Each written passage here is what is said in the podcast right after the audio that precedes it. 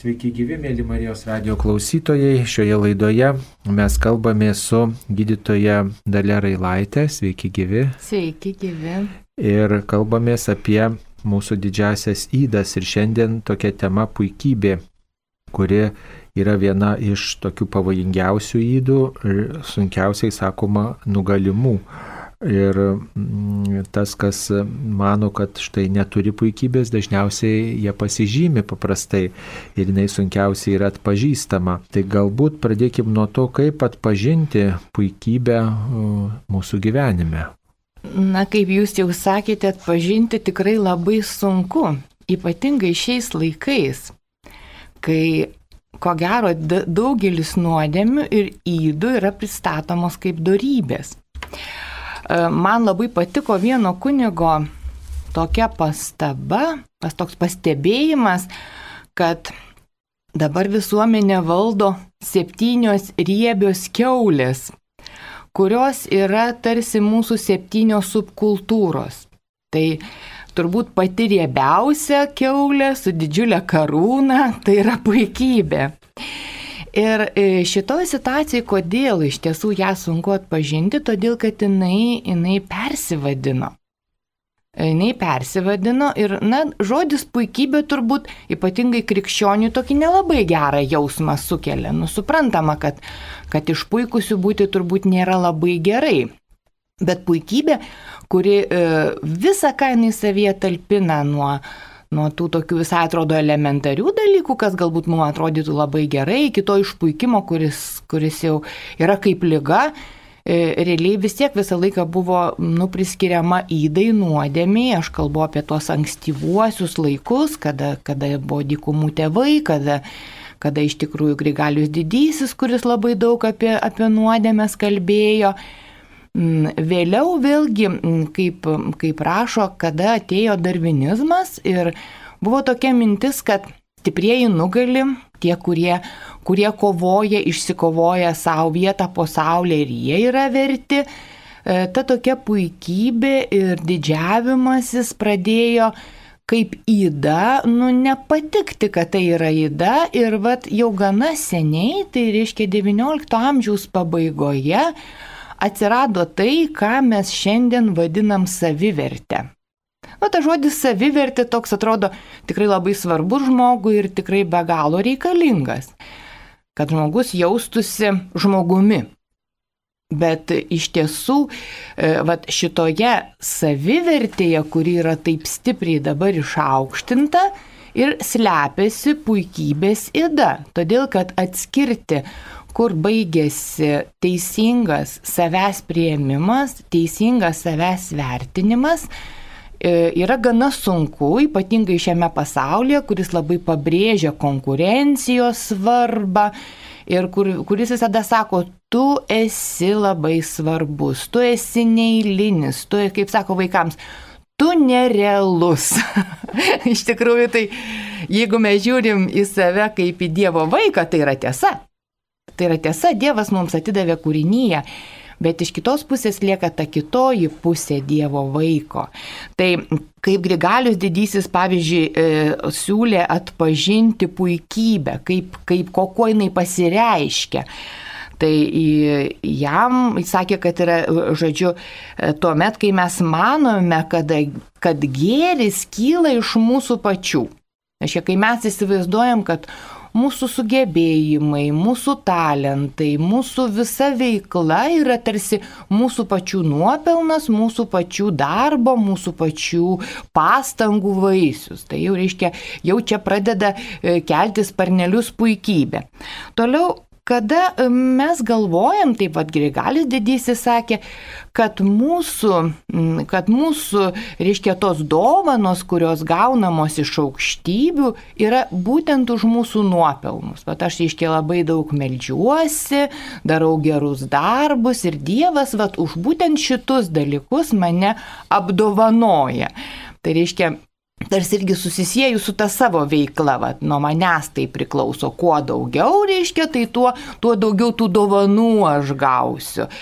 E, trečias dalykas, kada žmogus pradeda girtis tuo, ko jis iš tikrųjų neturi. Tai, va, tai būdinga ypatingai mūsų laikmečiui, kada, kada žmonės e, dabar va, viskas yra tarsi atiduodama į jaunų žmonių rankas ir kad, jau, kad jauni žmonės, jie gali viską. Jiems nereikia tartis, jiems nereikia išminties, patirties, kad jie gali pasiekti savo viršūnę ten 20 metų ir turėti tai, ką žmogus natūraliai įgyja gyvenimo eigoje.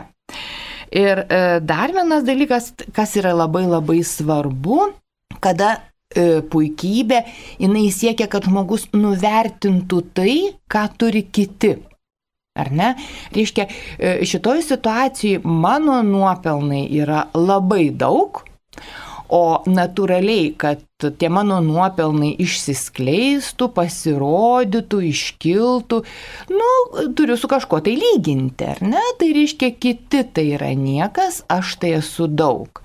Ir šitie dalykai, e, kaip matome mūsų gyvenime, va, visos šitos keturios pozicijos, nu, jos yra gana svarbios, e, bandant atpažinti labai labai paprastai tą puikybę. Ir e, vėlgi reikia pasakyti, kad vis dėlto atpažinti ją yra be galo sunku. Ir kodėl sunku? Ką pabrėžė jau nuo senų laikų dykumų tėvai ir vėliau vėlgi e, visi šventi žmonės, kurie, kurie daug rašė ir daug mąstė ir daug meldėsi galvodami apie įdas. E, visas tas iki puikybės einančias įdas vis dėlto žmogus gali pastebėti, ar ne? Nu, apsirijimą netaip jau sunku, ar ne? Gašlumą, ten pykti, va, irgi žmogus pajaučia, ar ne, jis tiesiog jame ten, sakykime, tingumą, vangumą, puikybę, nu, jisai gali pastebėti. Puikybę tuo tarpu žmogui pastebėti yra labai sunku. Ir dėl to, kad jinai yra liktai pristatoma kaip darybė, bet iš kitos pusės dėl to, kad jinai labai maskuojasi. Ir, ir vat, šitoj situacijoje žmogus nenori pripažinti, kad jisai turi puikybę, nes jam maloniau tai pavadinti kažkokiu garbingu vardu ar ne kaip darybė, na tarkim, savivertė, teisingas savęs prieimimas. O jeigu jam kažkas tai pasako, na, parodo, jis pyksta ir neigia. Nu, tai va, tai ta, ta įda tokia yra, jinai tokia besimaskuojanti, dar dėl to yra ją labai sunku atpažinti. O tas neigimas kaip tik tai gal yra ženklas, kad žmogus štai turi tokią užmaskuotą įdą. Jeigu neigiu, tai vadinasi, pykstu, kad štai kažkas mane pamatė, tai ar tai nėra toks na, liudesys, kad štai mane demaskavo ir, ir tiesiog verčia pripažinti kažkokią skaudžią tiesą. Na, iš tiesų, tai realiai, jeigu e, viskas priklauso nuo to, kiek ta puikybė žmoguje yra įsivažiavusi, nu, kokius, kokius jinai, kokią jinai vietą, sakykime, po žmogaus vidinę saulę užima, ar ne? Jeigu, e, jeigu žmogus E, tarkime, na vis tiek mes kalbam apie daugiausia apie krikščionius, ar ne? Jeigu žmogus supranta, kad kad, sakykime, atgailos sakramentas yra būtinas, kad būdėjimas ta, savo įdų, e, sakykime, toje visoje skalėje ir vertinimas ir atpažinimas yra būtinas ir svarbus. Tai po, po tokio galbūt pirmo, na, supykimo jisai vis tiek turbūt apgalvoja ir, ir gali mąstyti, kad jeigu kažkas pastebėjo ar ne, vis tiek mes Mes ieškom gyvenime Dievo ženklų, kurie labai dažnai pasireiškia per žmonės. Ir jeigu kažkas pastebėjo, kad manie yra puikybė, gal man reikėtų apsvarstyti, ar, ar iš tikrųjų, ar iš tiesų aš, aš didžiuojuosi ir džiaugiuosi tuo, kas, ko reikia džiaugtis, gal, gal mano tas vadinamas ego jau iš tiesų labai, labai iškilo ir, ir pradeda tiesiog būti badantis akis kitiems. Tai čia, na, žinot, vėlgi kokiu tik tai apibūdinimu tai puikybei nėra. Jis ir nuodėmių viršūnė, ir nuodėmių karalienė, jis ir maitina visas kitas nuodėmės. Iš tiesų, jeigu mes pasižiūrėtumėm, tai tikrai maitina visas kitas nuodėmės bet iš kitos pusės jinai ir atiduoda, kada jinai iškyla labai aukštai, jinai atiduoda žmogų draskyti tom kitom nuodėmėm, kaip, kaip, kaip, kaip kokiem žvėrim, tiesiog numeta kaip jauka, kada ta puikybė yra didelė. Ir vėlgi mes turėtumėm nepamiršti, kaip ir yra sakoma, kad tai yra pirmoji nuodėmė, ar ne, nes, nes uh, angelai puolė angelai, kodėl įvyko jų puolimas, todėl kad jie norėjo būti kaip Dievas, reiškia, nu, Luciferis, kuris buvo, kuris buvo švytintis, kuris buvo šviesa, ar ne šviesos angelas, jisai, jisai pradėjo pamiršti, kas jisai yra ir kas Dievas yra, panoro su juo lygiuotis ir, ir dėl to buvo nublokštas į tamsybės. Iš kitos pusės pirmieji tėvai, vėlgi, žiūrėkit, kuo, kuo pagundė šetonas Jėva. Tu pažinsi, kas yra gera ir bloga, būsi kaip Dievas, ar ne? Kaip tas toksai, va, irgi, aha, lygiuotis į Dievą, būti kaip Dievas. Reiškia, man nepakanka būti Dievo vaiku. Aš noriu būti kaip Dievas. Ir e, puikybė, vėlgi tai jinai, kaip sakyti, yra pradžia, nuodėmių pradžia ir jinai yra nuodėmių viršūnė. Todėl, kad yra manoma, ir tai yra tikrai tiesa, kad kuo žmogus labiau stengiasi gyventi dorybingą, gerą, teisingą gyvenimą, kuo jis labiau siekia šventumo, tuo aršiau puikybė jį puola. Ir kada žmogus iš tiesų vėlgi yra jau tikrai daug pasiekęs tame šventumo kelyje, puikybė pradeda jam rodyti, kaip yra daug pasiekta.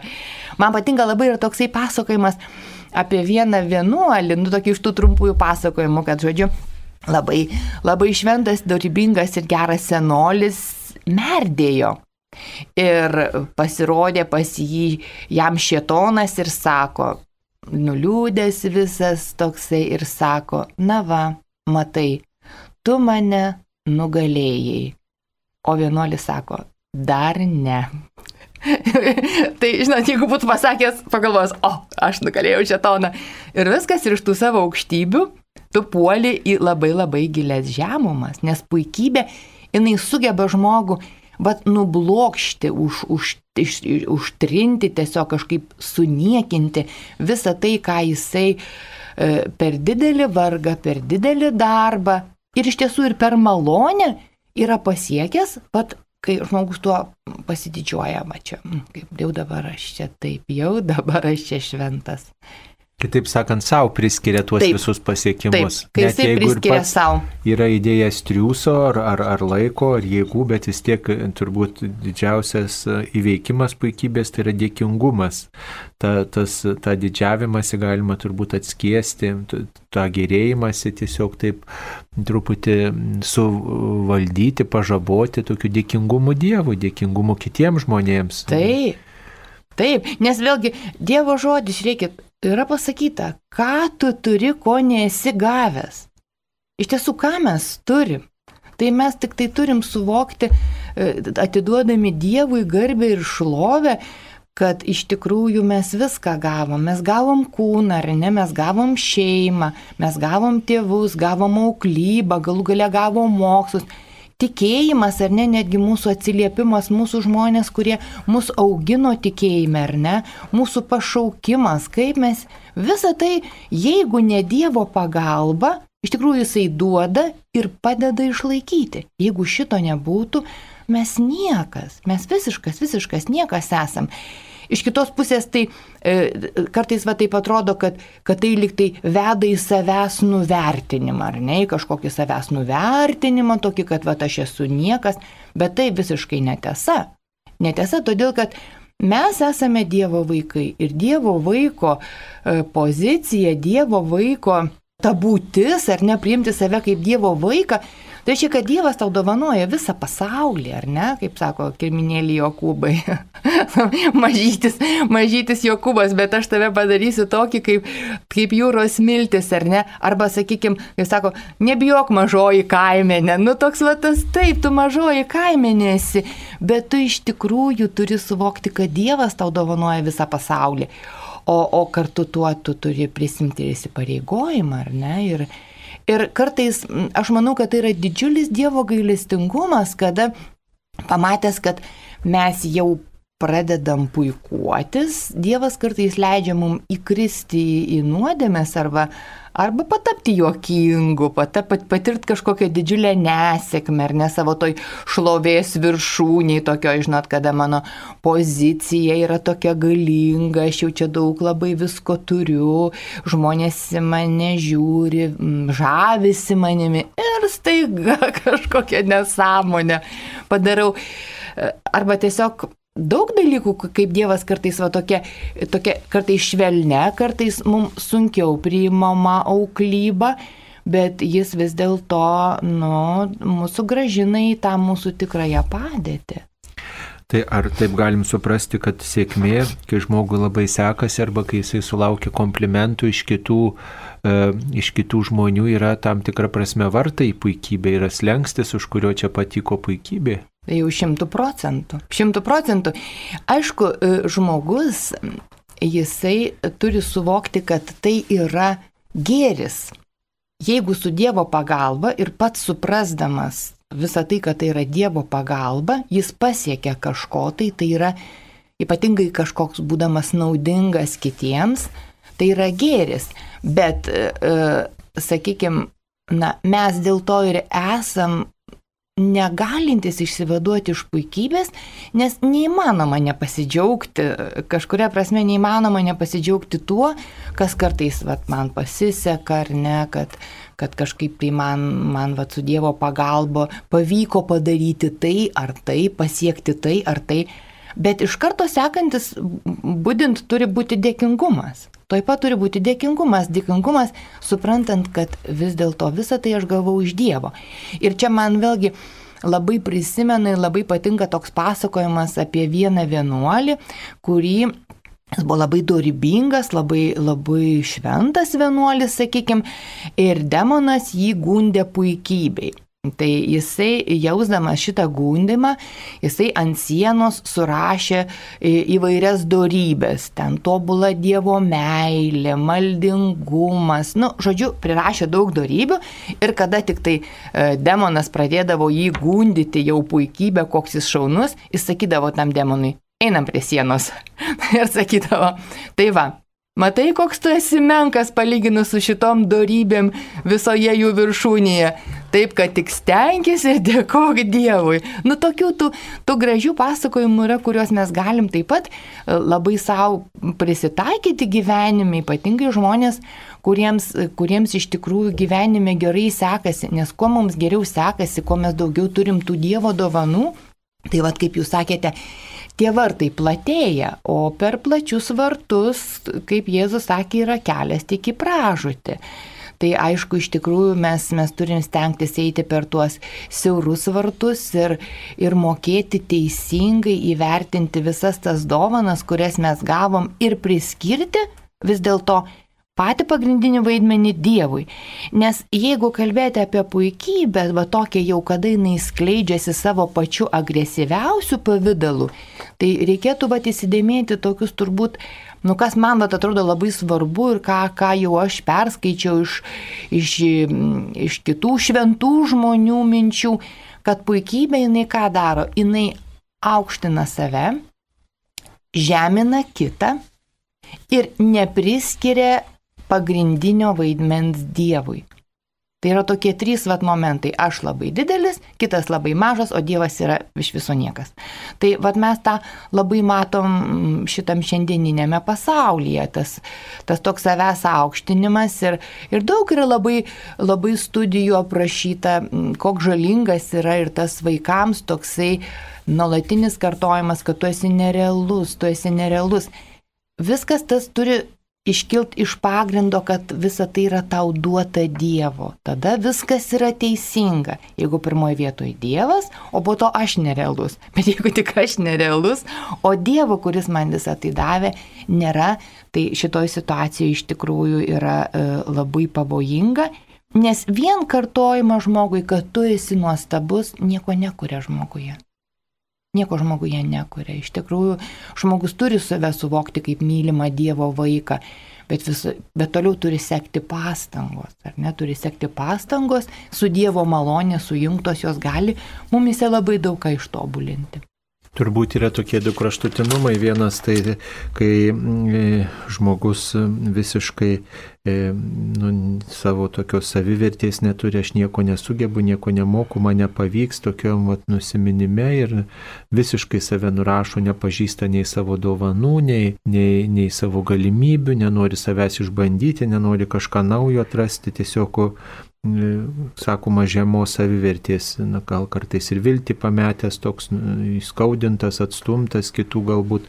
Ir kitas dalykas, kai žmogus mano, kad viską išmano, viską sugeba, viskas jam gerai klojasi ir jis padarys geriausiai. Tai turbūt čia tarp tos žemos savivertės ir puikybės būtų toks kažkoks aukso viduriukas, kur žmogus tikrai jaučia savo vertę kaip to unikalaus, nepakartojamo bet, žmogaus, bet kita vertus jaučia, kad taip pat, kad jis yra trapus, silpnas ir kad visą gavo iš Dievo ir kad e, kiti žmonės jam padėjo, daugybė žmonių jį ugdė, lydėjo ir daugybė žmonių dėka jis, jis pasiekęs tai, ką turi. Tai e, tą turbūt viduriuką reikėtų visuomet žiūrėti, nenukrypstant į vieną ar kitą kraštutinumą. Ir atpažinti turbūt tuos pavojus, kurie tyko šitam keliui, kad visų nuopelnų mes savo nepriskirtume ir į kitus nežvelgtume iš aukšto.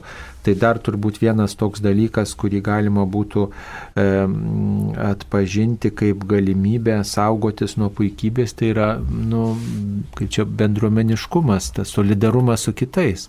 Šalia dėkingumo, va, e, tai, tai tiesiog bendrystė su kitais, kad štai gal kiti žmonės toj srity taip, jie gal neturi tos dovanos, aš turiu, bet aš neturiu tą, ką jie turi. Ir, ir dėl to man jie yra svarbus, reikalingi ir aš jiems svarbus, reikalingas ir va, mes vieni kitus papildom, ar toks požiūris tinkamas. Be abejonės, kad tinkamas, nes iš tiesų tai um, nulaikoma, kad vis dėlto puikybė tai yra be tokia bendruomeninė įda, ar ne, kad nu, vis tiek jinai skleidžiasi bendruomeniai. Taip, ir, ir kada mes esam tarp kitų žmonių. Nes jeigu aš tik vien tik tai vieną savo egzistuoju kažkokiam vakume ir nėra to, kas manim žavėtųsi, tai iš tiesų ir, ir, ir visą tą, tą, tą gyrių man neštų, tai jokios prasmės nėra. Ir šitoj situacijoje tikrai tas vat, toksai mokymasis e, nuolatos pastebėti kituose žmonėse gėri ir kitų žmonių tą mm, na, indėlį mano gėriui, kuris, kuris yra, e, tarkim, kad tai tikrai yra gėris, ar ne, sakykime, aš turiu didelių pasiekimų, na, sakykime, aš esu gera gydytoja, nu, va, tarkim, ar ne, Tai ką tai reiškia? Tai reiškia labai daug žmonių įdėjo, aš turėjau puikius mokytojus, taip, aš turėjau galimybę, man Dievas davė protą, man Dievas davė laiko, man Dievas davė daug labai dalykų, Dievas man davė sveikatą. Ar ne?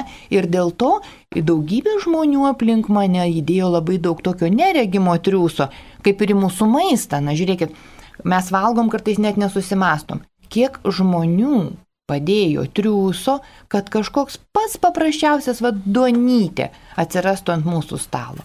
Tai, tai tas yra labai svarbu, tą, tą dėkingumą tokį palaikyti ir tokį dėkingumą, tokį dėkingumą vystyti.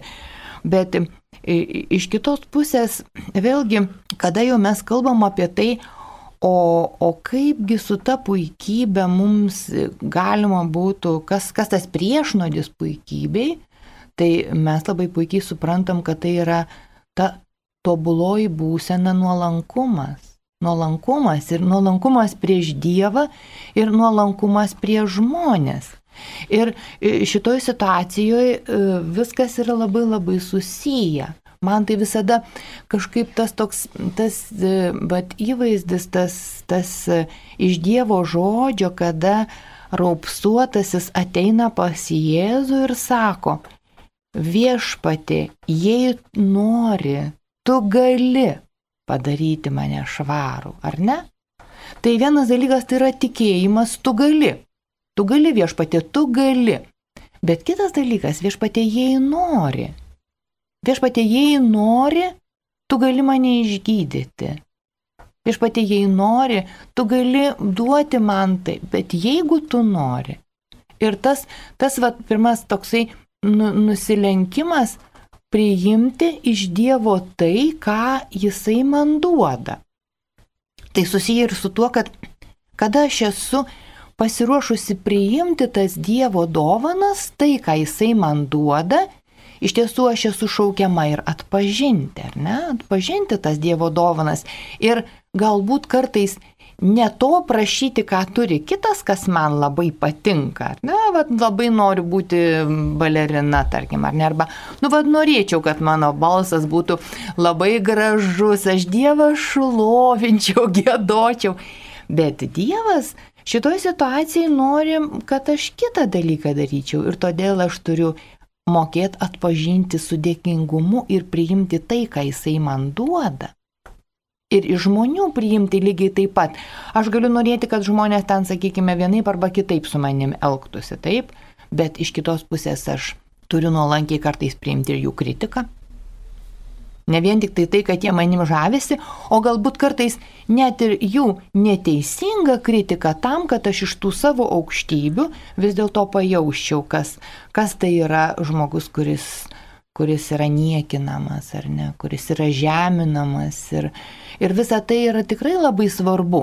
O iš kitos pusės, vėlgi, nepastebėti ir nevertinti Dievo dovanų, na, sakykime, tokiu pavydalu, oi, aš čia esu niekas, čia aš esu toksai visiškai nieko nevertas.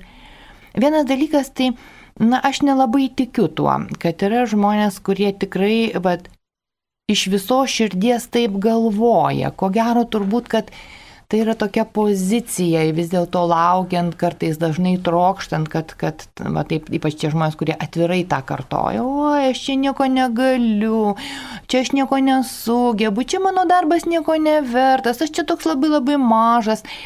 Kartais tai iš tiesų yra akivaizdus noras, kad kad tave tik tai girtų, kad tik pastebi, ne, ne, ne, tu čia taip šitai, va, kaip gerai padarėjai ir jau tada maitinasi tą puikybę, kaip čia man skanu o, o iš tiesų nepriimti savęs, save menkinti, save žeminti, tai yra nuodėmė, tu esi Dievo vaikas. Dievas tau nori padovanoti karalystę, jis, tau, jis, tave, jis dėl tavęs numirė ant kryžiaus, priemi šitokią skausmingą mirtį. Kaip tu gali, žinoma, čia jau mes kalbam apie tikinčių žmonės. Ne, apie tikinčių žmonės. Nes jeigu žmogus netiki, Taip, jį galima pažadinti tikėjimui e, per tai, kad Jėzus numirė už tave, jeigu jisai Dievo malonės apšviestas tai priims ir daugybė žmonių pakyla šitaip iš savo tų, tų skausmingų būčių. Bet krikščioniui, kuris, kuris bando gyventi bažnyčioje, taip, jam yra didžiulė nuodėmė nepriimti Dievo dovanų ir savęs kaip dovanos. Na čia toks labai paradoksalus dalykas, kad puikybė pasislėpia ne tik tai už to, aš viską sugebu, aš viską galiu, bet ir už to, aš nieko ne, nemoku, nieko nesugebu, nieko negaliu ir čia apskritai niekas manęs nemyli. Tai e, kur čia tai puikybei slėptis, ar aišku, jūs minėjote apie tą lūkestį, komplimento, tas toks noras, kad mane pagirtų, bet galbūt tai yra e, tas toks meilės alkis, kad žmogus niekada nebuvo priimtas, niekada nebuvo gal paskatintas arba nepakankamai buvo paskatintas, palai, palaikomas. Tai, e, na, kur čia tai puikybė pasislėpti tada? Na, iš tiesų tai taip. Žmogus, sakykime, nepatyręs meilės iš tiesų žmogus nepatyręs meilės, jisai, jisai tikrai gali būtent taip elgtis. Bet e, iš kitos pusės, vat, mes čia dabar ir kalbam, kas tas žmogus yra, ar ne? Jeigu jis yra krikščionis, na bent susipažinęs su, su, su tiesom ar ne e, tikėjimo, su darybėm, jeigu jisai yra tas, kuris gyvena pagal Dievo žodį, O Dievo žodis, tai kaip Jėzus sakė, aš esu kelias, tiesa ir gyvenimas, ar ne? Tai jeigu krikščionis, jis vis dėlto turi save auginti, na kažkaip savo tą mintį, prašyti tos Dievo malonės, kad jisai, Dievas leistų jam pajusti, o kas iš tikrųjų mane visą gyvenimą mylėjo, ar ne? Kas mane pašaukė gyventi? Dėl ko aš čia esu? Kas man davė tikėjimą? Galų gale Tai būtent vat, patirti tą Dievo meilę, nes Dievas nepriklausomai nuo to, kad visi žmonės galbūt mus niekina, mūsų nekenčia, ant mūsų spjaudo, mus žemina, Dievas iš tiesų yra tas, kuris mus myli besąlygiškai. Ir man pavyzdžiui, va tas toksai kaip Franklio, žodžiu, ta tokia mintis, kad iš žmogaus galima atimti viską, išskyrus jo požiūrį. Tai jeigu žmogus augina požiūrį pagal Dievo žodį, kuriame viskas yra pasakyta, jis vis tiek jis net ir kaip bebūtų tikrai sulauks malonės, kad Dievas prisilies prie jo ir apie tai liūdė daugybė žmonių. Kad toj va tam skausme, tam, tam tokio nuo visiško nemailės atmetimo, toj duobėj, toj, toj kažkokioj žemumoj, gelmiai, kada žmogus šaukėsi Dievo, kartais net netikėdamas, kad Dievas gali jį išgirsti, Dievas būtinai jį išgirsta. Tai čia yra tokių daugybė tų, tų liūdimų, tų pavyzdžių. Tik tiek, kad, na, vėlgi, mes žmonės, kurie, kurie taip kartais galbūt, na, per daug į savo tuos veiksmus įsigilinam, mes kažkaip prarandam tą tikėjimą malonę, nes vis tiek čia yra malonės klausimas. Ir taip, sako viešpatė, jeigu tu nori, ar ne, nu, vat, pavyzdžiui, viešas panorėjo jį padaryti švarų. O gal kažkurių tai ir nepanorėjo, kažkurie tai ir pasiliko raupsuoti, kažkurie tai ir nugyveno gyvenimą taip. Tai mes šitoje situacijoje vis tiek turim suprasti, kad priimti tai, ko Dievas mums neduoda, taip pat yra Dievo dovana. O ar gali būti taip, kad na, žmogus iš tiesų neturi puikybės, štai gal kai kurios įdos yra aplenkia, kai kurios žmonės vieni gal prie vienų prisiriša labiau, kiti prie kitų, o ar gali būti taip, kad puikybė štai aplenkus žmogų, jis tikrai yra nuolankus, kuklus ir, ir, ir atsakingas ir, ir, ir stengiasi priimti naujoves ir atsargus ir, ir kitus myli, na pavyzdžiui, šventieji. Gal tikrai jie neturėjo puikybės, kaip manot? Bent dalis jų. Na vėlgi, aišku, ar aš manau, aš tai tikrai manau, kad neįmanoma neturėti puikybės. Ir tą liūdija ir, ir tie patys šventieji, didžioji dalis iš jų būtent labiausiai kovojo su savo puikybė ir, ir labai skausmingai kovojo su savo puikybė. Jeigu mūsų kartais nepasiekia tos žinios, sakykime, kaip žmonės pasiekia didžiausių dvasinių aukštumų kovojo su savo puikybė, tai vis tiek mes galim pasižiūrėti nu, į, į jų gyvenimą. Jie buvo mažutėliai, vis tiek nu, labai nuolankiai priėmė ir dažnai tie šventieji tikrai turėjo skausmingą ir sunkų gyvenimą. Tas gyvenimas, nu, ne, nu turbūt nėra tokių šventųjų, kur ten gyvenimas va vien rožėm klotas. Vis tiek jie turėjo labai daug ir, ir žiūrėkit, kaip pranašus Dievas šaukė ar ne senajame Izraelyje. Tai Sakė, Dieve, ne, jie priešinosi, ne, ne, ne, jokių būdų. Ir, ir šventieji, aš manau, daugelis iš jų, kaip ir šiais laikais, daugelis žmonių gana skausmingai priima tą savo pašaukimą, kuriam jie yra pašaukti. Aš, pavyzdžiui, galiu liūdėti, kad, tarkim, serganti žmonės, tarkim, ar ne, tai, nu vėlgi, tu supranti, nu mes ne vienas nenorim būti lygotas, nu tu ne, ne, nesurasi tokio žmogaus, kuris šauktų, Dieve, duok man lygą, invalidumą, dar proto negalę ten. Nu nėra. Bet už tai yra labai daug žmonių, kurie moka priimti savo lygą taip kaip Dievo duota, sakyčiau, dovana. Ir per tai, nu, mes visi, čia ir su puikybė yra labai daug to, to sąsajos. Vienas iš dykumos tėvų rašė, kad vos tik žmogus pradeda įgyti daugiau darybių, demonas puikybės toj pat siunčia jį mokyti kitus. tai taip, čia... kad, kad sugriautų visas pasiektas daryti. Taip, taip, taip, taip pat siunčia mokyti kitus, kaip sakoma dabar labai nu, evangelizuoti, ar ne, čia visiems aiškinti, ką kiti turi daryti. Tai, žinot, tai va tie sergantys žmonės, kurie teisingai, nu, mano nuomonė, teisingai, va, žiūri savo lygą, jie kartais yra tokie stiprus liūdytojai aplinkui esantiem žmonėm. Liūdytojai va to nuolankumo, to, to prieimimo. Galų gale to, kad mūsų visų gyvenimas yra baigtinis. Žiūrėkit, nu kad ir va, mane tai glumino va ta tokia, ta baime galų galiai ir to, to viruso per čia tą visą koronos istoriją. Taigi yra Evangelijoje pasakyta, kas išsaugo savo gyvybę, ją praras. Taškas. Tai ko dabar tu žmogau bijai? Nu tavo gyvybė yra Dievo rankose. Nu ar nuo viruso, ar nuo vėžio vis tiek nuo kažko reikės numirti. Aišku, yra dalykai, kur Dievas duoda protą ir nesako, kad ten šok nuo devinto aukšto, kaip ir Jėzų gundė, ar ne? šok ir tave, ta angelai, kadangi jie tave nešios ant rankų, jie tave pagaus. Negalima Dievo gundyti lygiai taip pat, bet vis tiek pozicija, ant kurios mes turim stovėti, tai mano gyvybė taip pat priklauso Dievui, aš besąlygiškai ją atiduodu. Ir jeigu Dievas mane šaukia tarnystėj, kur aš turiu atiduoti savo gyvybę, vadinasi taip, tai yra taip. Nu, bet aišku, pasaulis jisai, jisai, e, nu, savo, kas, kas priklauso pasauliui, tai nuo Dievo karalystės yra toli. Jeigu mes labai klausom pasaulio, žiūrim į pasaulį, kaip pasaulis elgesi, kaip jisai mums liepia elgtis, ko gero mums bus labai labai sunku išsilaikyti pagal Dievo žodį, o mūsų gyvenimas turėtų būti būtent pagal jį.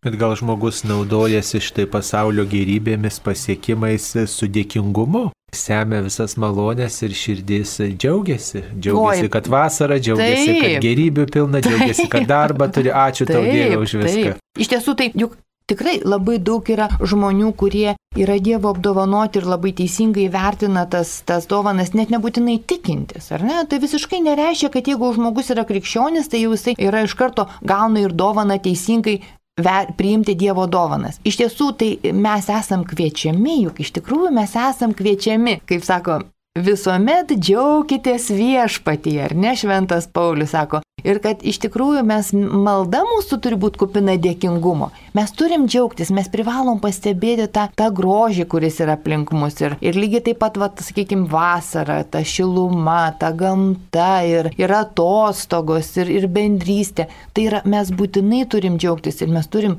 rodyti tą džiaugsmą kitiems, nes Jėzus atėjo tam, kad mūsų džiaugsmui nieko netrūktų.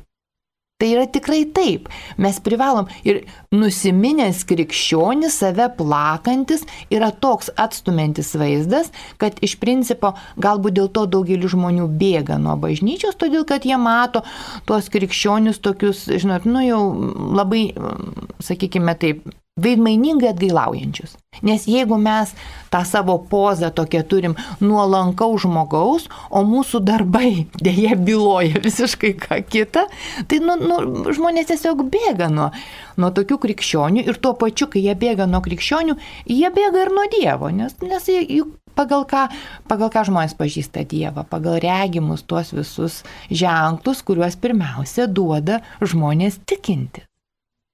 Tai yra tikrai, tikrai taip, mes privalom džiaugtis, mes privalom džiaugtis, būti dėkingi. Bet vis tiek ne, visas svarbiausias dalykas yra būdėti, kad nepamiršti, kad Dievas mums visą tai davė.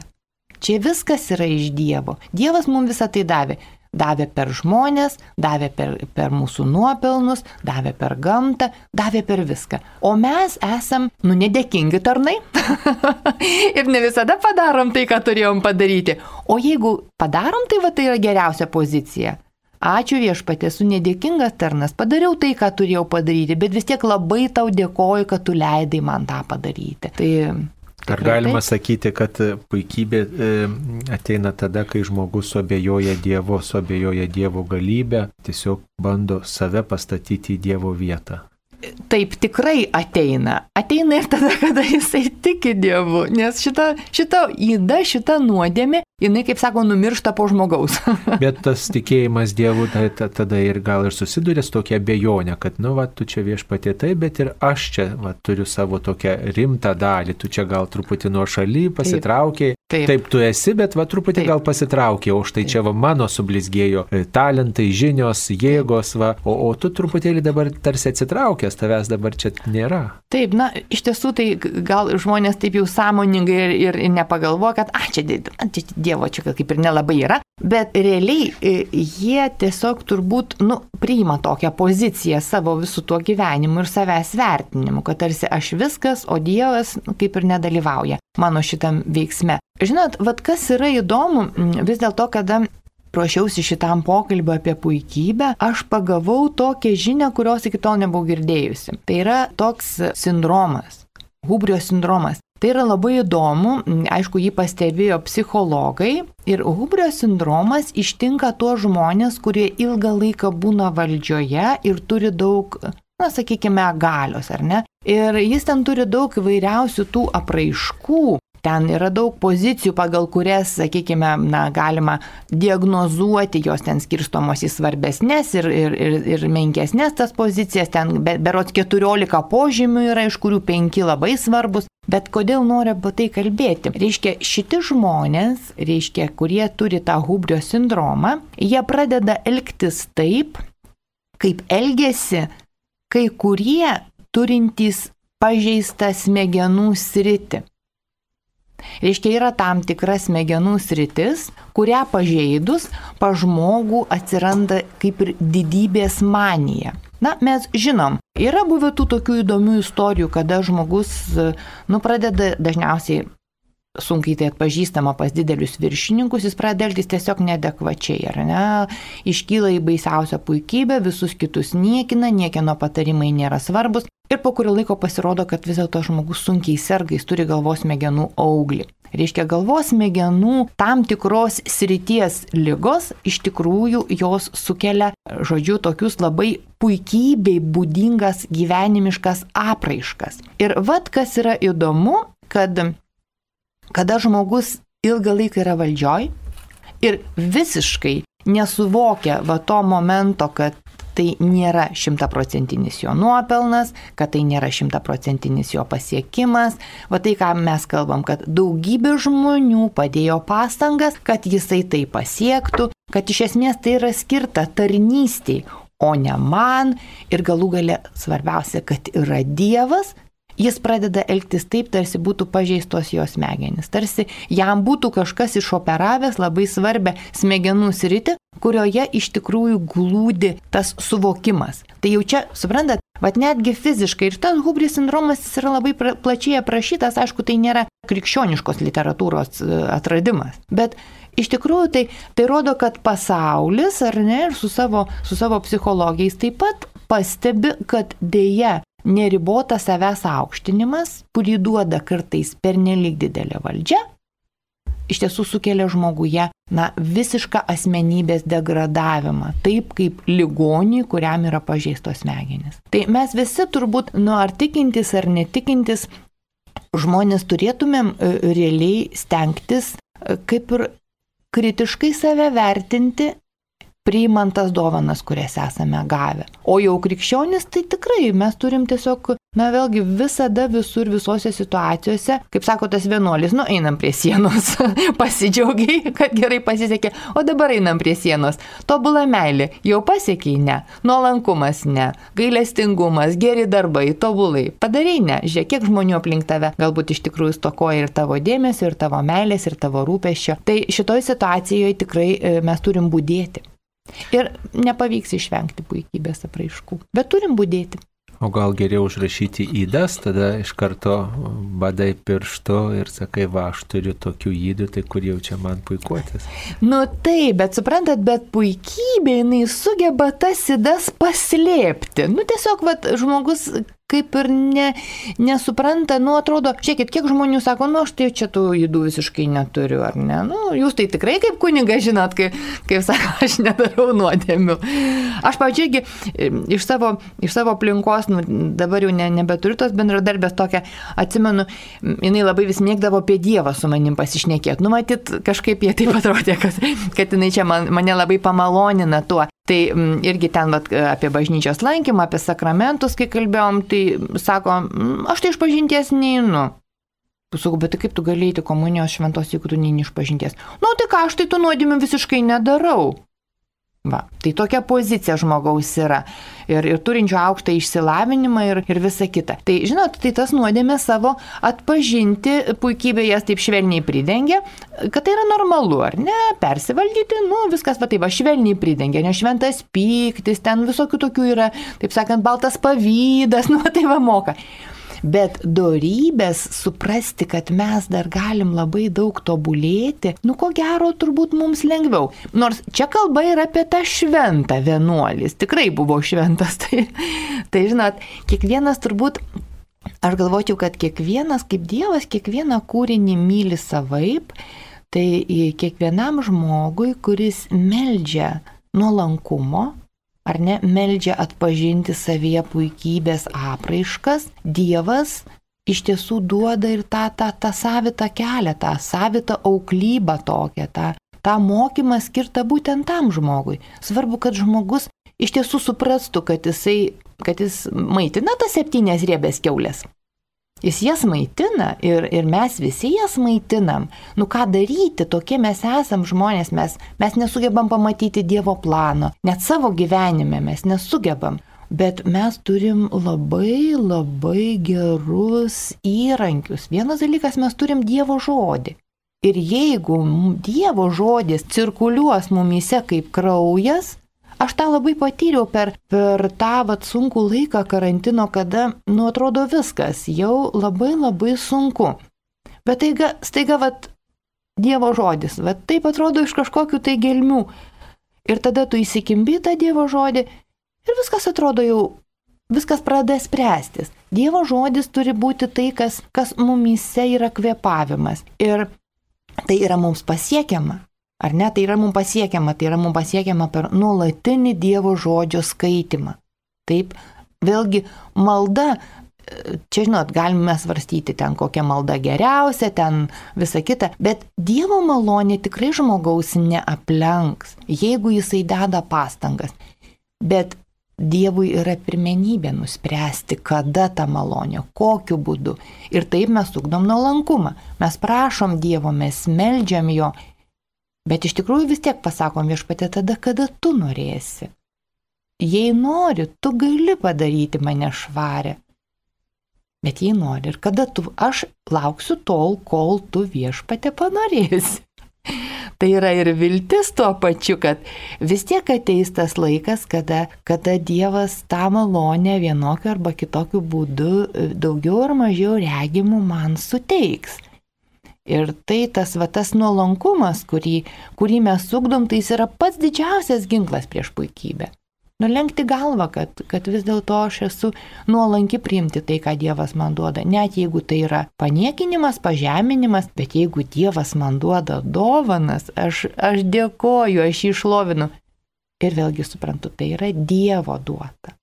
Na tai gerai priimti dovanas, kurios yra tokios mielo, žavios, bet sunkiau priimti tas dovanas, kurios ugdančios tokios yra kaip, kaip um, nesėkmė, pažeminimą, kaip lyga. Tai čia reikia ypatingai tokio brandaus tikėjimo, kad tai priimti kaip dovana, kuri ilgainiui išeis į gerą mano gyvenime. Turbūt ne visi mes esam tiek stiprus, kad galėtume tai priimti. Taip, tas tiesa, tas tiesa. Ir netgi nei vienas mes nesame toks stiprus. Reikia pripažinti iš karto, kad, kad jeigu dabar, vad, pažiūrėjau, tarkim, aš kalbu apie puikybę, ar ne, ir va dabar staiga sužinau po, po dienos ar po dviejų, tarkim, kad, na, man yra kažkokia sunki lyga, na, arba mane ištinka avarija, sužalojimas. Tai Nu tai yra tikrai natūralu ir aš visiškai turiu suprasti savo silpnumą ir kad aš galiu labai nusiminti, ar ne? Galiu netgi supykti ant Dievo. Tai yra laikina žmogaus reakcija į skausmą, tai yra visiškai, nu tada, kada žmogui skauda, netgi žinot, nu, va, tarkim, man labai labai skauda dantį, ar ne, tai aš jau ten turiu ypatingai būti šventa, kad sakyčiau, o viešpatė, kaip dėkoju tau už šitą danties skausmą. Nes jeigu man labai skauda, aš net melstis negaliu. Daugelis, daugelis žmonių tą yra patyrę, kad kada tau labai sunku, tu net žvilgsnio į Dievą, nu tiesiog negali kreipti, bet, nu, tam yra skirtos tos trumposios maldos, ten bardo Jėzaus kartojimas. Bet vėlgi grįžtant prie to, kad tai yra žmogiška, mes esam kūniški. Galų galę mes gavom tą skausmą, mes gavom tą liūdėsi, mes gavom tą, tą daugybę tokių, na, tų žmogiškųjų aistrų. Ir mes turim suprasti, kad taip, taip, ir, ir, ir gali taip nutikti, bet vėlgi, tai yra pirma reakcija, ar ne?